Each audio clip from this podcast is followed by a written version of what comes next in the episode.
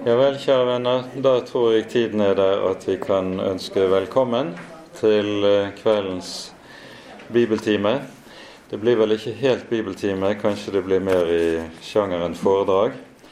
Eh, I og med den tematikken vi skal ha oppe i dag. Eh, det har jeg jo orientert om på mail. At på Stortinget i dag har de hatt oppe til behandling 20 forslag fra Arbeiderpartiet og Miljøpartiet De Grønne, eh, som går meget radikalt i, eh, til verks når det gjelder det som har med kjønnspolitikk å gjøre.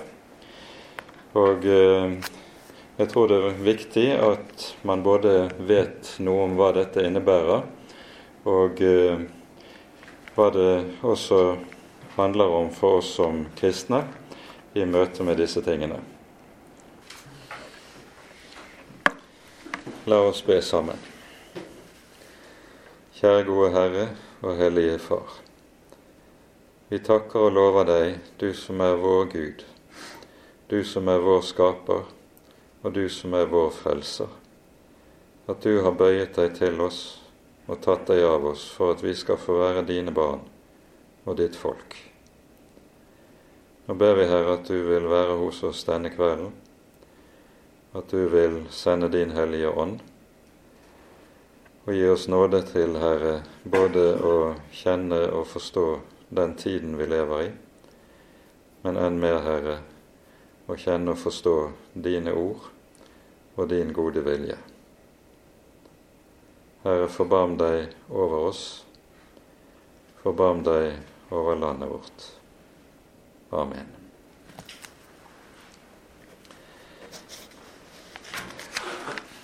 Det er altså slik at i eh, Stortinget i dag har eh, det vært oppe til behandling de 20 forslagene fra eh, Arbeiderpartiet og Miljøpartiet De Grønne som handler om kjønnspolitikk.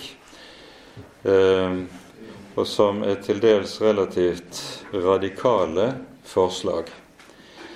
Mange av forslagene som er fremlagt, dere har fått utdelt alle disse 20 forslagene, eh, de bygger videre og egentlig handler om en eh, videre utfoldelse av ting som allerede er lagt inn i norsk lovgivning i tidligere lovvedtak. Det skal vi komme tilbake til etter hvert.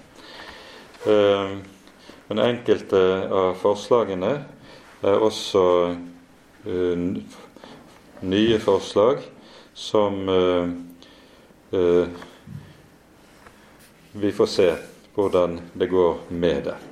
Felles for alle forslagene er at det er forslag som behandles i Stortinget, og der Stortinget ber regjeringen om å implementere det som konkret foreslås her.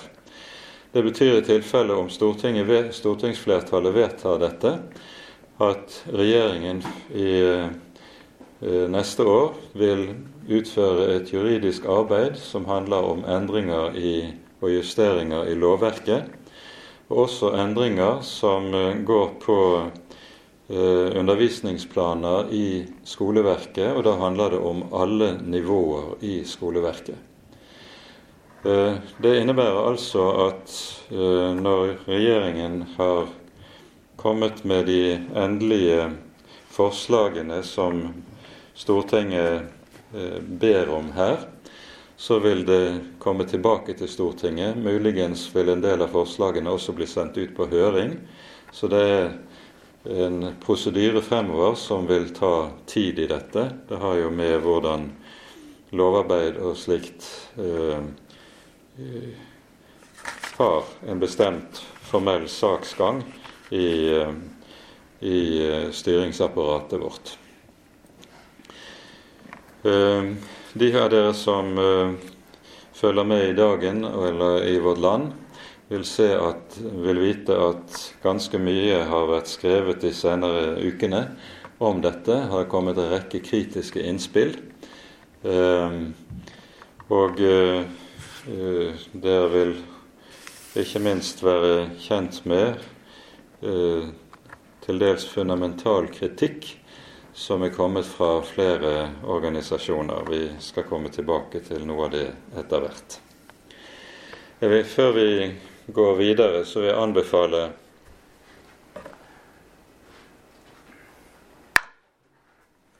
Jeg vil anbefale tre bøker for de av dere som har lyst til å arbeide mer eh, grundig med disse spørsmålene.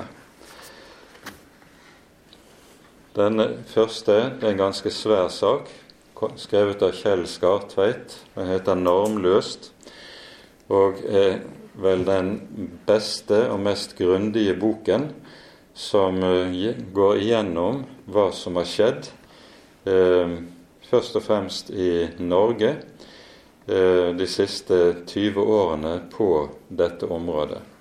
Den har undertittelen 'Hvordan radikal kjønnsteori erobret Norge'. Og det er en meget eh, vel dokumentert gjennomgang av det som har skjedd, både i lovverket, i Stortinget og i, ikke minst også i skoleverket for øvrig på dette området. En mye enklere sak den er skrevet av Olof Etzinger. Den er på svensk. Den heter 'Nær minoriteten tar majoriteten som gisland'. Om identitet og seksualitet i queer-teorienes tidevarv. Den er jo skrevet mye på svensk bakgrunn, men saklig og innholdsmessig handler det om samme, det samme, og gir et ganske nyttig overblikk over det som skjer innenfor det som ikke minst kalles for queer-teori. På norsk kalles det skeiv teori. Og det som kalles for normkritikk. Hva disse ordene betyr, kommer vi tilbake til. Den tredje boken er også en som kom i år. Mikkel Vigilius, 'Kampen om kjønnet', eh, som eh, ikke så mye Den tar selvfølgelig opp en del av det som er lokale forhold i Danmark. Men den er ikke først og fremst innrettet på danske forhold, men går på de helt basale eh, hovedsaker som det dreier seg om i dette spørsmålet. Den er delt i fire kapitler. Innledningskapitlet handler om eh, den utviklingen som har ledet frem til dagens situasjon på dette området. Det neste tar for seg hva Bibelen lærer om kjønn og samliv. Det tredje kapittelet tar for seg biologien. Hva er det biologien sier om det som har med kjønn å gjøre? Og Det siste kapittelet har om transbevegelsen sin innflytelse på utviklingen som skjer. Mange synes kanskje at dette som har med transbevegelsens innflytelse høres litt merkverdig ut. Men saken er at transbevegelsen er den bevegelsen som i dag styrer hele utviklingen innenfor det som har med kjønns- og seksualitetsteori å gjøre, og normgivningen på dette området. Mer om det etter hvert. Alle disse tre bøkene anbefales.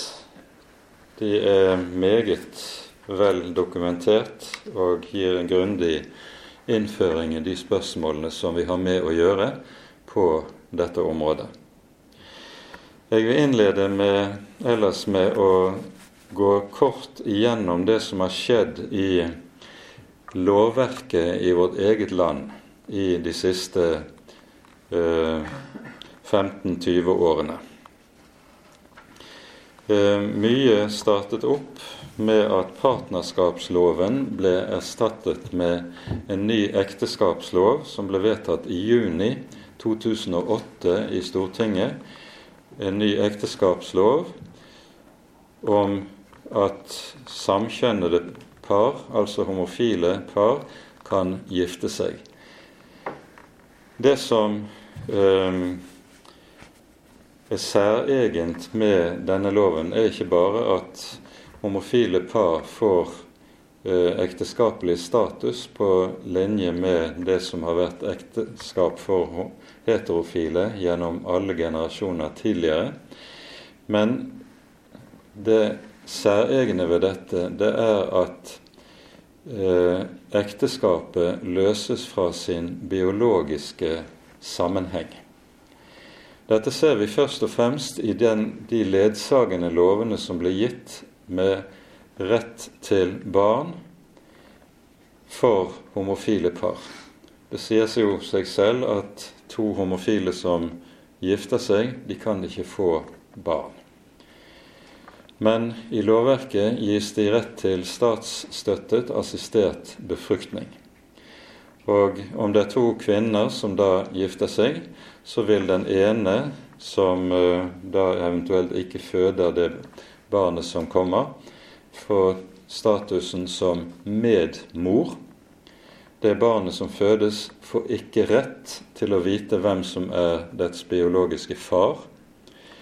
Og medmor erstatter den biologiske far som far i forholdet og Det har allerede i eh, Danmark vært en rettssak der eh, to eh, lesbiske kvinner som hadde inngått ekteskapet, har blitt fraskilt, og der den som ikke beholder barnet, ønsket å eh, frasi seg retten eller plikten hun hadde som medmor. Hun fikk da dom imot seg. Hun har ikke rett til å frasi sine si seg sine plikter som medmor, men er forpliktet for resten av livet å fungere som barnets forelder med underholdningsplikt og alt det som hører med videre på dette området. Poenget i dette det er altså at den biologiske eh, og dermed også skapelsesmessige forankringen av ekteskapet og forholdet til barn oppløses med lovgivningen i 2008. Allikevel var status den gang at man fortsatt kun regnet med to kjønn mann og kvinne. Eh, Kim Friele, som jo har vært en av de fremste eh, forkjemperne for de homofiles rettigheter i landet, sa rett ut eh, like før, et år før den nye ekteskapsloven kom, det finnes bare to kjønn. Det var vedtatt sannhet. Men når du kommer i perioden som går etter dette, så skjer det en utvikling som går uhyre raskt. Den har sin bakgrunn i noe som de færreste har hørt om, men som har uhyre stor betydning. I 2006 var det nemlig en konferanse i den indonesiske byen som heter Yogyakarta. Her samlet en uh, rekke menneskerettseksperter seg. Disse var samtidig medlemmer eller aktivister i den homofile bevegelsen. Og De arbeidet med spørsmålet hvordan skal homofiles og andre kjønnsidentiteters rettigheter innarbeides i lovgivningen i eh, de ulike land på en slik måte at dette kommer til å høre med under menneskerettighetene. De kommer ut med 29 prinsipper som alle forankrer eh, ulike kjønnsidentiteters rettigheter i menneskerettighetene, hvilket i sin konsekvens får den absurde følgen at det nå kan sies eh, fra eh, lovgivende hold i enkelte land at det å eh, det å eh, Hvordan skal vi si det? Hevde at en mann som mener at han er en kvinne, altså en transperson, som da krever å bli kalt hun og ikke han, dersom eh, legen forholder seg til det biologiske kjønnet og kaller vedkommende for han i stedet for hun, er det i strid med vedkommendes menneskerettigheter, og legen vil risikere å bli avskjediget fra sin stilling. Dette har allerede skjedd i England, i en bestemt sak som har vært omtalt i Dagen. Det som ikke står omtalt i Dagen, er eh, utgangen på den første runden som har vært i rettsvesenet om denne saken, for saken har gått til rettsvesenet, der legen mener han har vært oppsagt på usaklig grunnlag. Eh, engelsk rett har kommet ut med en dom der det bl.a. sies uttrykkelig at ordene i Første Mosebok 1, 26 og 27, der det står 'Han skapte dem til mann og kvinne', det er i strid med menneskerettighetene. Dette sier en god del om utviklingen som foregår, og på dette området er antagelig USA og England og Canada de landene som er kommet lengst i utviklingen på dette området. Men bak, bakom dette ligger altså de 29 Yogyakarta-prinsippene som eh, eh, Kjell Skartveit vier en god del plass i sin bok. Eh, både et eget kapittel om Yogyakarta-prinsippene, i tillegg til at de også er trykt opp i sin helhet i slutten av boken.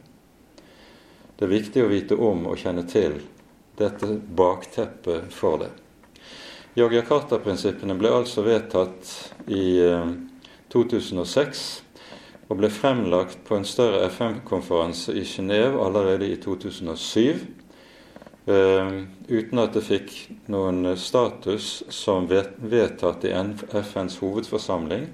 Så vedtok FN sin konferanse om familiepolitikk i 2007 å anbefale Yogyakarta-prinsippene for alle medlemslandene.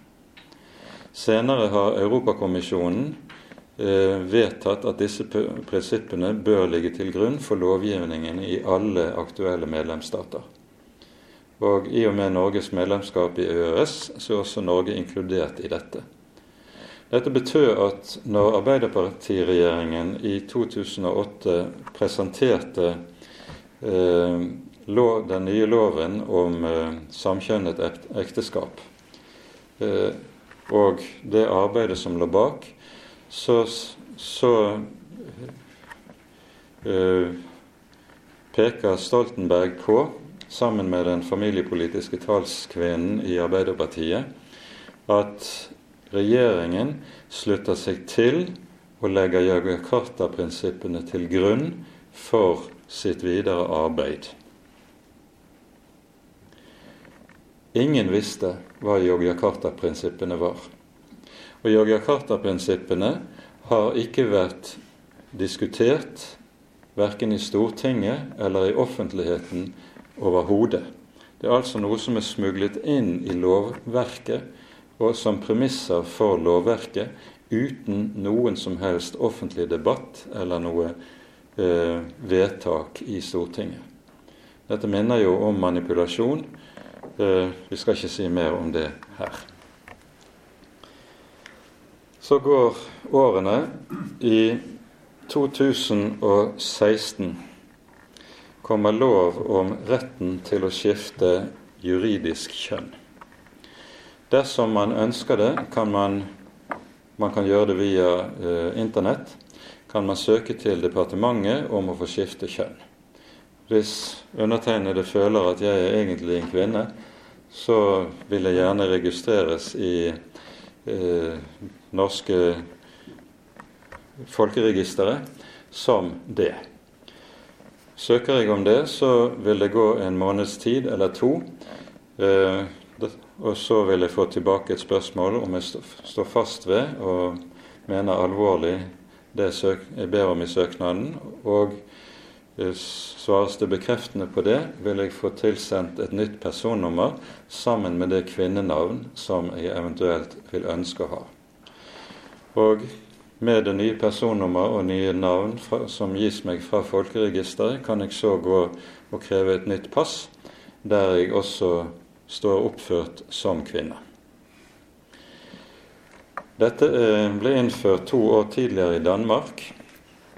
Ehm, og I en rekke andre land er det også innført og har ført til utilsiktede virkninger på en hel rekke områder. F.eks. innen idretten. Um,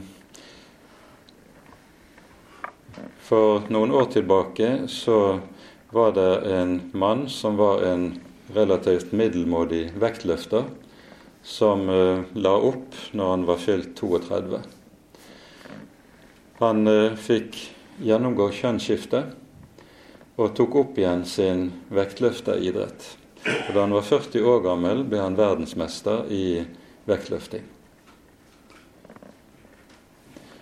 Dette gjelder også på en rekke andre idrettsområder, og Det internasjonale idrettsforbundet har vedtatt at de som gjennomgår kjønnsskifte, skal ha rett til å gå inn i å konkurrere på like fot med alle andre i det kjønnet som de har gått over til. Det sier seg selv at de som har vært menn og velger da å gå over til å bli kvinner, får en veldig fordel og, eh, på idrettsområdet. En annen utilsiktet effekt på dette området er at en mann som eh, gjennomgår registrerer seg som kvinne, han vil ha rett til å gå i kvinnegarderober i svømmehaller og andre offentlige steder. For to år siden var det en sak i Stavanger der så skjedde i Studentsamskipnadens garderober. Og det var en eh, kvinne som reagerte meget sterkt på at det sto en naken mann i dusjen ved siden av, og sa til han, sa fra om dette. Hun fikk da sak på seg. Eh, det ble Eh, vedkommende mann som mente at han var en kvinne, gikk til rettssak, for han, han, eller hun mente seg diskriminert og utsatt for mobbing og trakassering, og ville ha stadfestet av retten at han hadde sin rett til å gå i kvinnegarderober. Dette er en del av det som skjer på dette området. Vigilius forteller i sin bok om uh, at i en delstat, jeg husker ikke hvilken delstat i USA. Eh, var samme type lovgivning innført når det gjaldt offentlige garderober. Eh, og guvernøren i delstaten sa fra at han ville nødig at hans barnebarn på tolv år skulle oppleve at det kom nakne menn inn i garderoben og dusjet eh, fordi de hevdet at de var kvinner. Dette ble det sånn lurveleven av i offentligheten at han til slutt ble tvunget til å trekke seg fra sin guvernørstilling. Det sier ganske mye også om hvorledes utviklingen har gått i USA. Dette skjedde altså i 2016. I 2017 kommer det en annen lov. Det er lov om likestilling og diskriminering. Denne er vel Skartveit gir den en ganske grundig behandling i sin bok. Men den er nesten glemt i mye av det som er dagens offentlige debatt. Men poenget i denne loven det er at enhver kjønnsidentitet og kjønnsuttrykk er diskrimineringsgrunnlag. Dvs. Si, uansett hvilket kjønn en person føler at vedkommende er eller har, så skal dette respekteres av alle. Og dersom det ikke respekteres, så vil vedkommende bli underlagt sanksjoner fra statsmaktens side og vil kunne tiltales innenfor retten. For det andre ligger det i denne lovgivningen at skoleverket trekkes inn i det normgivende arbeid. Barna helt fra barnehagestadiet av skal læres opp i eh, det som vi kaller for normkritisk tenkning. Eh, hvilket innebærer at barna helt fra de er små av skal lære at kjønn ikke er noe som er biologisk gitt. Kjønn er noe som er en sosial konstruksjon. Sånne fremmedord vil selvfølgelig ikke anvendes i barnehagen, barnehagene. Men barna skal læres opp til å tenke gjennom er jeg virkelig en gutt, eller er jeg virkelig en jente? De skal spørre, lære seg selv å stille dette spørsmålet. Dette innebærer jo den absurde konsekvensen at når en jordmor tar imot et barn på kvinneklinikken, så vil hun ikke e, per i dag egentlig ha rett til å si 'du fikk en gutt', 'du fikk en jente'. For man må se senere i livet om det er en gutt eller det er en jente. Fordi kjønn skal ikke lenger være definert av biologi. Kjønn skal være definert av hva du føler at du er. Og Dette er det radikalt nye i det som har skjedd, og det er her transebevegelsen har hatt sin store innflytelse på det som skjer. I Landsforeningen for lesbiske og homofile, LLH, tok i 2006 opp transebevegelsen i eh, denne organisasjonen, og sånn at den ble utvidet, og transebevegelsen eh, sine rettigheter ble satt på sakskastet på linje med de homofiles rettigheter fra tidligere. Det første man har ønsket å gjøre i forlengelsen av dette, det er å innføre et tredje kjønn. Han, hun og hen. I Sverige er dette innført. Det norske Stortinget har dette vært oppe til diskusjon, og foreløpig har Stortinget sagt nei til det. Men Une Bastholm, som har lagt frem eh, ti av disse forslagene som dere har liggende foran dere, ber om at regjeringen skal utrede nettopp å åpne opp for at det i lovverket skal gis anledning til å åpne for tre kjønnskategorier i folkeregisteret. I Sverige har dette allerede skjedd.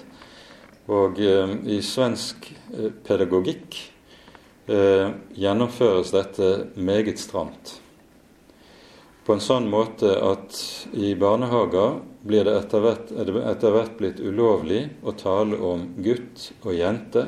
Man skal si 'hen'. Og En rekke barnehager i Sverige har de kassert Astrid Lindgren sine bøker, både om Pippi Lang Langstrøm og om Emil i Lønneberga, fordi eh, her er det jo tale om til de grader noen som er gutter og jenter. Dette er en del av det som er konsekvensene av hele tenkningen. Og så blir Astrid Lindgren da blir eh, erstattet av kjønnskorrekt litteratur som skal fortelle at selv om du er født med en tissemann, så kan du godt være en jente, eller du kan være enda noe annet hvis du har lyst til det. Og Dette opplæres barna til allerede på barnehagenivå. Og det fortsetter i skoleverket. Det er diskriminerende å ikke respektere det som en føler. For poenget er det er ikke biologien som styrer kjønnet, det er hva en føler og opplever rent subjektivt. Det mest alvorlige, kanskje, som kom med likestillingsloven og diskrimineringsloven i 2017, det er et forslag fra, tro det eller ei, fra Kristelig Folkeparti og Arbeiderpartiet sammen, som inkluderer familie og privatliv i loven.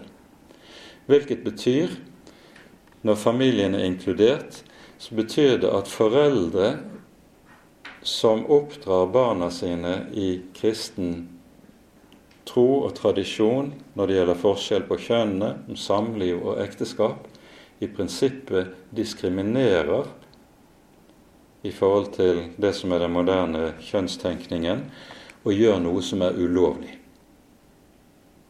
Departementet sier i kommentaren til dette at uh, dette innebærer at individets rett til privatliv er fjernet. Dette var altså noe Kristelig Folkeparti var med på å få innført i diskrimineringslovgivningen i 2017. Det er uhyre dramatisk, det som skjer. Nå vil nok staten eh, være ganske varsom med å blande seg inn i det som skjer bak de fire vegger i hjemmet. Men en finner her grunnlag for at barnevernet kan gripe inn dersom det skulle skje at uh, det er noen som tas i å være politisk ukorrekte i hjemmet. Dette har allerede skjedd med en finsk familie. Et finsk ektepar som hadde en datter, hun var 15 år gammel, og ønsket å skifte kjønn og bli mann. Foreldrene satte ned foten og sa nei. Hun er jo umyndig. Dette førte til at barnevernet grep inn, og foreldrene ble fratatt foreldremyndigheten. Vi ser hva som ligger i denne typen lovgivning, og hvordan det kan føre av sted. Så er vi altså kommet til vårt eget år, der disse 20 forslagene fra Arbeiderpartiet og Miljøpartiet De Grønne er fremlagt. I parentes skal vi merke oss at uh, Verdens helseorganisasjon har hatt, opererer med en liste med sykdommer, hva som skal defineres som sykdommer. Og Dette gjelder også sykdommer rent psykisk eller psykiatrisk. I 1972 opphevet Verdens helseorganisasjon sykdomsklassifiseringen av homofili og lesbiskhet. Før dette var det definert som en sykdom. I 2018 så opphevet Verdens helseorganisasjon sykdomsdefinisjonen av det som kalles for eh, sadomasochistiske tilbøyeligheter. Altså sadisme og masochisme, det at man i forbindelse med seksualiteten enten påfører en annen lidelse og smerte, eller eh, blir seksuelt opphisset av å bli påført dette. Og eh, i, eh, Jeg er ikke sikker på årstallet, men Verdens helseorganisasjon har tilsvarende også opphevet eh, sykdomsdefinisjonen på transpersoner. Transpersoner det er altså personer som er født med et biologisk kjønn, men mener seg å være født i feil kropp. Dette har jo vært definert innen psykiatrien som en forstyrrelse av virkelighetssansen. Altså en person klarer ikke forholde seg til det som er den faktisk fysiske virkelighet, og flykter bort fra dette ved å definere, omdefinere seg selv til et nytt kjønn. Denne sykdomsdefinisjonen er altså opphevet, og i Danmark eh, skjedde dette altså for eh, De har gått et godt stykke foran oss på dette området. I eh, de nye lovene som nå, eller nye retningslinjene som nå foreslås vedtatt i Stortinget, så blir hele denne normkritiske tenkningen inkorporert. Hva er normkritikk? Normkritikk er et begrep som er hentet fra radikal eh, feministisk tenkning, og skriver seg egentlig fra eh, to hovedkilder. For det første fra den postmoderne franske filosofen Michel Foucault. Eh, han er kjennetegnet ved det han kaller for maktkritikk og maktanalyse. Og Han hevder at enhver som påstår at noe er absolutt sant og noe annet usant, noe som er absolutt rett og noe annet absolutt urett, han begår overgrep.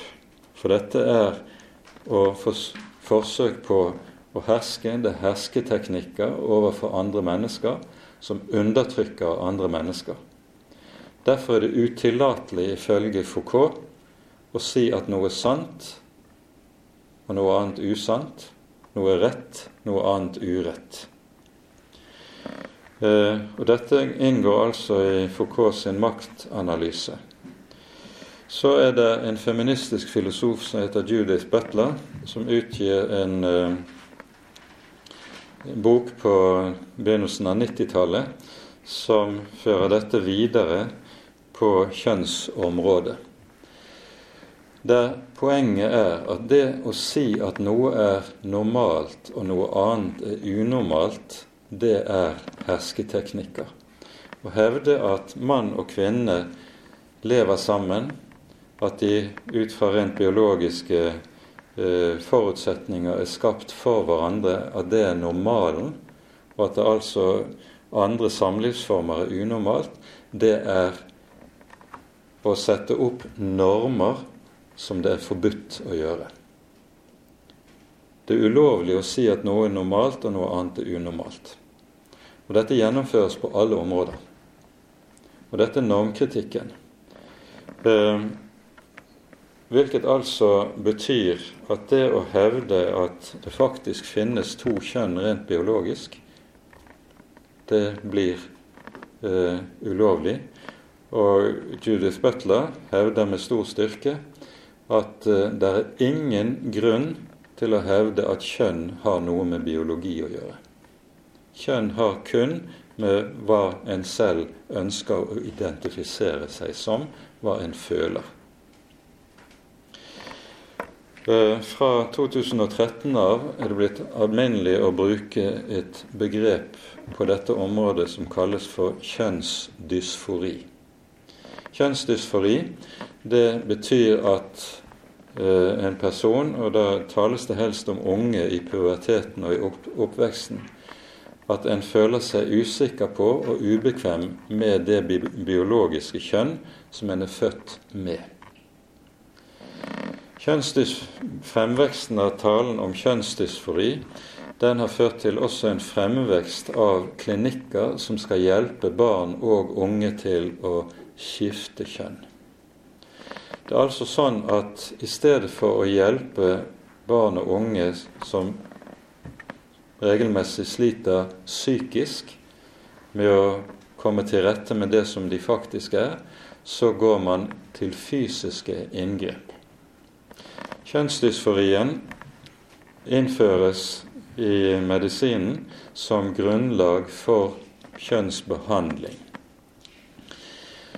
Eh, og det er nå slik eh, i USA, og lovgivningen i Norge er parallell til det som er i USA, at hvis en ungdom på 11-12 år er misfornøyd med sitt eget kjønn, så vil vedkommende først får anledning til pubertetsutsettende behandling.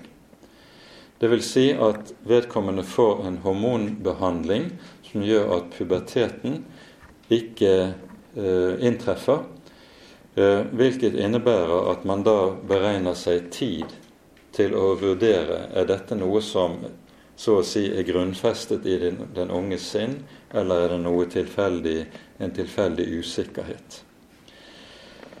Hvis det fortsatt er slik når den unge har nådd til 16 års alder, da vil den pubertetsutsettende behandling avsluttes, og vil, den unge vil bli underkastet hormonbehandling som vil omgjøre det som er det biologiske kjønnet.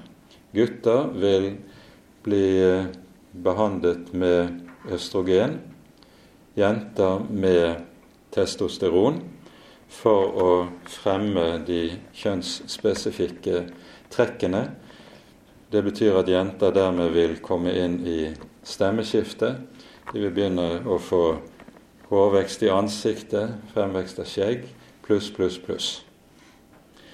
Eh, og motsatt da hvis eh, gutter får østrogenbehandling.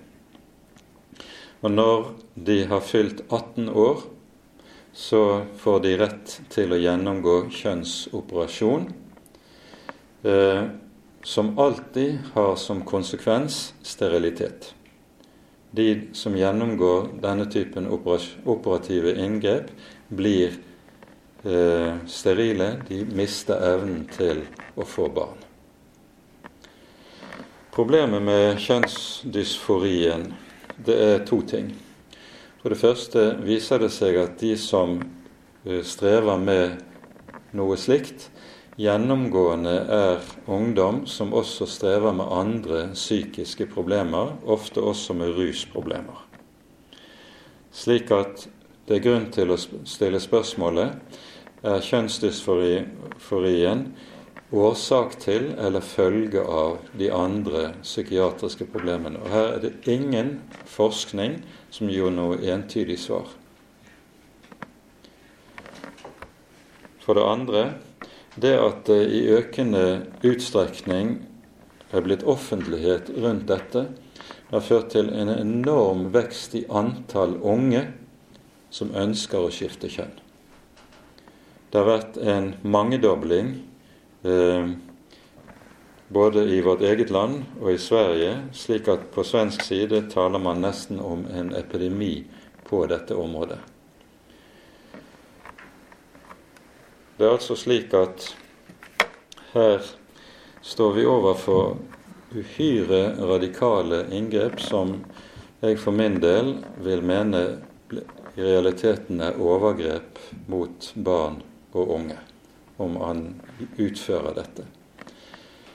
For 60-70 eh, år tilbake drev man fordi man mente på vitenskapens grunn at eh, det var en forsvarlig behandling og lobotomerte mennesker. Lobotomien viste seg jo etter hvert å være totalt ødeleggende for de som ble utsatt for den typen behandling. Noe tilsvarende vil over tid vise seg når det gjelder den kjønnsbehandling som barn og unge vil bli utsatt for i kjølvannet av det som nå skjer. Det er altså meget radikalt, det som er på vei inn i dette. Og bakenfor dette ligger det et akademia av samfunnsforskere og kjønnsforskere som er styrt av at dette er den eneste lovlige ideologi på dette området. En del av dere husker kanskje denne serien som Harald Eia hadde for en 12-13 år tilbake på NRK, som het Hjernevask. Der han eh, på den ene siden intervjuet eh, norske kjønnsforskere som allerede da sto for denne tenkningen om at kjønn er en sosial konstruksjon. Det er noe som er opp til den enkelte å velge ut fra hva han føler, og alt annet er eh, illusorisk. Så reiser han da og, og snakker med eh, forskere som, som, arbeider med spørsmålet om hvordan det biologiske kjønn fungerer i forhold til ulike sider ved både menneskekroppen og ikke minst menneskehjernen. og der det etter hvert har vist seg å være nokså massiv og stor forskning som viser at eh, det biologiske kjønnet har den sterkeste innflytelse også på hvordan hjernen fungerer. Rent fysiologisk er det, eh, dette påvist på en hel rekke områder. Når eier så kommer tilbake og forteller dette til de norske kjønnsforskerne, så rister de på hodet eller trekker på skuldrene og sier dette er totalt uinteressant. Og Dette viser hvordan ideologi overstyrer det som er forskning og forskningsresultater på det som er faktisk fysisk og biologisk virkelighet. Man er ikke interessert i hva som er virkeligheten, fordi ideologien overstyrer det hele. Og Ideologien er altså i dag styrt av transbevegelsen sin tenkning, som gjør kjønn til noe som er flytende.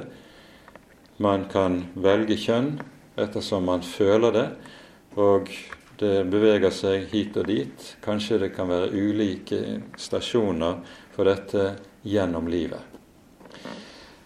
Forslaget fra Une Bastholm og De Grønne går ut på at man vil innføre tredje kjønn. Innenfor uh, disse bevegelsene opererer man med langt flere kjønn. Pirelli Benestad, som er kjent som den, kanskje den mest kjente transpersonen som, i Norge, som også er kjønnsforsker, opererer med syv forskjellige kjønn. Og på Facebook, hvis du registrerer deg på Facebook, så blir, skal du jo krysse av for om du er mann eller kvinne, eller 'other', om du er noe annet. Og Hvis du krysser av på noe annet enn mann og kvinne, så vil du få opp over 70 forskjellige alternativer på kjønnsidentitet som du måtte finne deg eventuelt hjemme i. Dette er utviklingen. Alt flyter. Um, vi har ennå ikke nådd helt i mål. Det som er problemet for oss som kristne oppi dette, det er, det er jo en rekke forhold. Men noe av det aller alvorligste i dette er at det inngår i både i forslagene fra Arbeiderpartiet og De Grønne at en ønsker å intensivere undervisningen om disse ting i skoleverket, fra barnehagenivå og oppover. Og Det det taler om her, det er en omskolering av hele befolkningen. Det er en omskolering av hele befolkningen i den ideologien som nå er blitt den rådende ideologi. Skartveit sier at dette etter hvert er blitt statsbærende ideologi i Norge. Og antagelig har han langt på vei rett i det. Problemet er også at i likestillings- og diskrimineringsloven av 2017, så ligger det store problemer også for de kristne friskolene. Uh, Une Bastholm ønsker at uh, den nye ideologien skal implementeres i undervisningen i KRL-E-faget i offentlig skole. Friskolene har uh, lov til unntak fra dette Eh, i sin egen religionsundervisning. Men det er ikke lov til å unnta fra det i andre fag. Sånn at denne loven griper direkte inn i friskolene sin eh, undervis frie undervisningsrett. Tenk på f.eks. undervisningen i biologi, eller undervisningen i litteratur, der en forutsettes å være eh, informeres om alle disse tingene. Det er ingen rett til fritak for de kristne friskolene på disse områdene. Samtidig eh, sier likestillings- og diskrimineringsloven også at eh, det er kun i fag som er direkte relevante for skolens profil, altså kristendomsundervisningen, at skolen har lov til å diskriminere i forhold til hvem som kan være lærer. Så kristendomslærere skal forutsettes å kunne være lojale mot friskolens verdidokument, som handler om bl.a. om seksualitet og samliv, naturlig nok. Men friskolene har ikke lov til å nekte å ansette lærere som er samboende homofile, f.eks., eller transpersoner, eller hvem som helst det måtte være, i noen andre fag.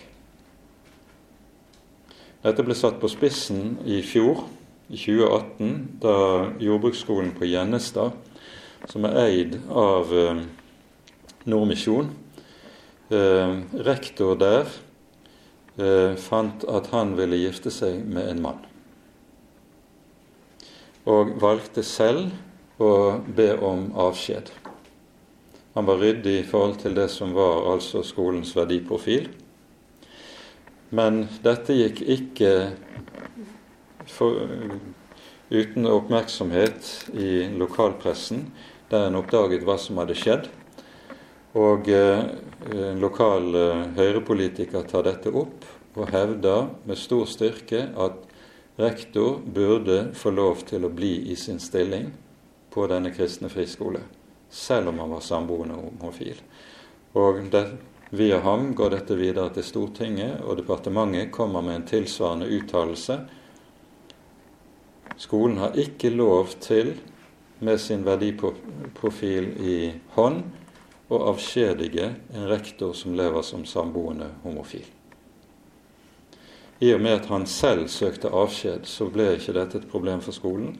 Men dette er altså den fremtiden som vi kan se for oss, og hvordan loven vil bli håndhevet. Loven griper inn altså i de kristne friskolenes rett. Og sammen med det som sies i forslagene, Eh, er det også tale om menighetenes rett. Politiet skal få styrket sine ressurser til å etterforske og gripe inn mot det som kalles hate speech. Dvs. Si enhver form for tale som gjør at personer med andre kjønnsidentiteter eh, kan føle seg krenket eller trakassert, kan etterforskes og øh, møte straffesanksjoner fra myndighetene sin side.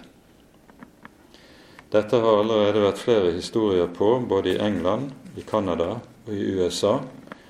I Finland er situasjonen den at en folketingsrepresentant fra det kristendemokratiske partiet, Peivo eh, Reisanen. Eh, hun er prestekone og har skrevet en artikkel som gjør rede for det kristne synet på ekteskap og seksualetikk i forhold til hele denne moderne eh, nyutviklingen. Hun er av statsadvokaten i Finland eh, anmeldt for politiet og etterforskes av politiet for diskriminering. Og er fortsatt under etterforskning. Det er radikale ting som skjer. Det som er avgjørende for oss som kristne midt oppi alt dette, det er å på ny å gjøre oss klart hva er det kristen tro dreier seg om på dette området. Og Da handler det om skapelsen. Tror vi på Gud som skaper, da tror vi også for det første det som sies i Første Mosebok 1. Gud skapte dem i sitt bilde. Etter sin lignelse skapte han dem. Til mann og kvinne skapte han dem. Og som vi tidligere har gjort oppmerksom på, det som i våre oversettelser står mann og kvinne, det er egentlig to begreper som betyr hannkjønn og hunnkjønn. Kjønnsidentiteten er gudskapt, og den gudskapte kjønnsidentiteten er ledlagt i oss i vår biologi. Og dette på en sånn måte at hver den som er født som mann, har X- og Y-kromosomer i hver eneste celle i sin kropp. Hver den som er født som kvinne, er født med XX-kromosomer i hver eneste celle i kroppen sin. Så kjønnsidentiteten er ikke noe som bare ligger i de ytre kjønnsorganer. Den ligger i hver eneste celle i hele kroppen. Og dette er noe som er gitt i skapelsen som den biologi vi er skapt med. For det andre, når Jesus blir spurt om ekteskapet i Matteus 19, så, og hvorfor Moses tillater skilsmisse, så sier han sånn var det ikke i begynnelsen. Jesus peker tilbake når han skal tale om forholdet mellom mann og kvinne og om ekteskapet. Så peker han tilbake på skapelsen og på begynnelsen. Det er altså tale om at ekteskapet er en skaperordning. Det er heller ikke her tale om en sosial konstruksjon, akkurat som kjønn ikke er noe som er en sosial konstruksjon. Det er noe som er gitt i skapelsen, og som kommer til syne i manns, menns og kvinners biologi. Ekteskapet er, slik Bibelen taler om det, altså en skaperordning. Og fordi det er en skaperordning, er dette noe som har fantes i alle kulturer og gjennom alle tider, så vidt vi kjenner kulturhistorien. Det er, ikke, det er altså noe som ikke primært kan kalles for å være en frelsesordning. Nei, det er en skaperordning. Og derfor er det nedlagt i alle mennesker. Det vi ser skje i dette, som vi har talt om i kveld, det er et opprør mot skapelsen som er ganske parallelt til noe man så i de første århundrer i en bevegelse som kaltes for gnostisismen. Det som kjennetegnet gnostisismen, var dette at en stilte opp kropp og ånd som motsetninger. Og der gnostikerne så på frelsen som noe noe som bestod i at menneskets ånd skulle befris fra kroppen, for kroppen var et fengsel. Dette innebar for gnostikerne sitt vedkommende også at de tenkte om den fysiske og materielle skapelsen som noe som var ondt. Og den Gud som hadde skapt den fysiske virkelighet, var følgelig også en ond skapergud. På samme måte ser vi at hele den nye kjønnstenkningen som vi møter i, våre dager, den ser på menneskets biologi som noe som en må befris fra, bli fanget i kroppen. Og min identitet kan ikke defineres av hva jeg er skapt som, rent fysisk, biologisk. Min identitet er noe som jeg skaper meg selv. Ut fra hva jeg føler, ut fra hva jeg har lyst til, og hva jeg måtte ønske meg.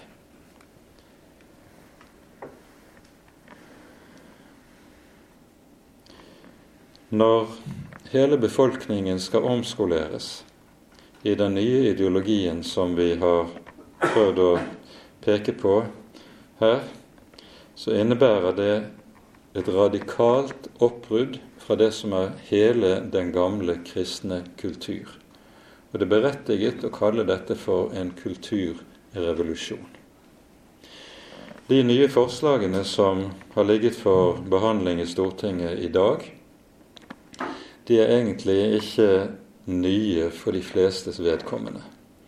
De handler mer om en intensivering av det som allerede er lagt i tidligere lovgivning som er vedtatt i Stortinget.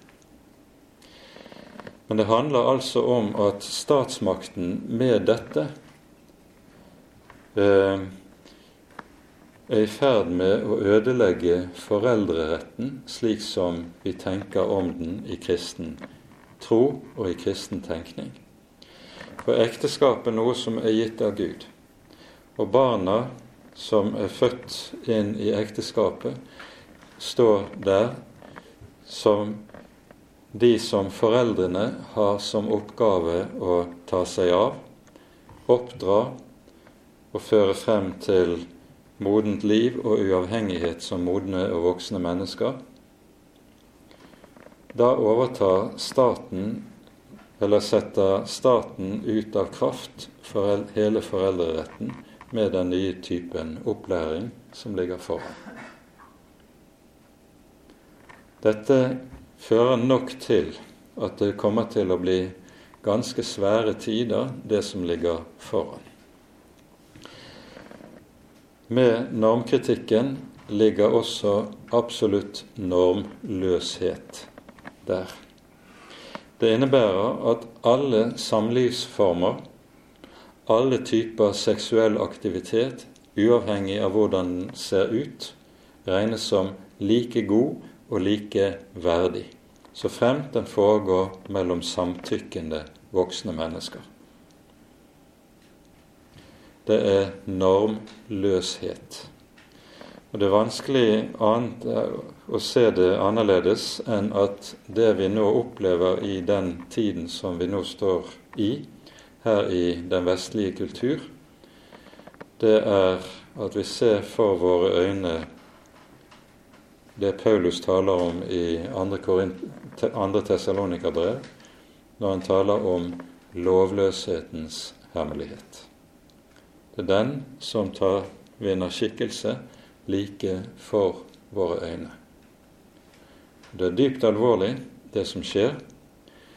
Eh, og det er mulig at vi med tiden vil komme til å stå overfor en totalitær statsmakt der eh, i menneskerettighetenes navn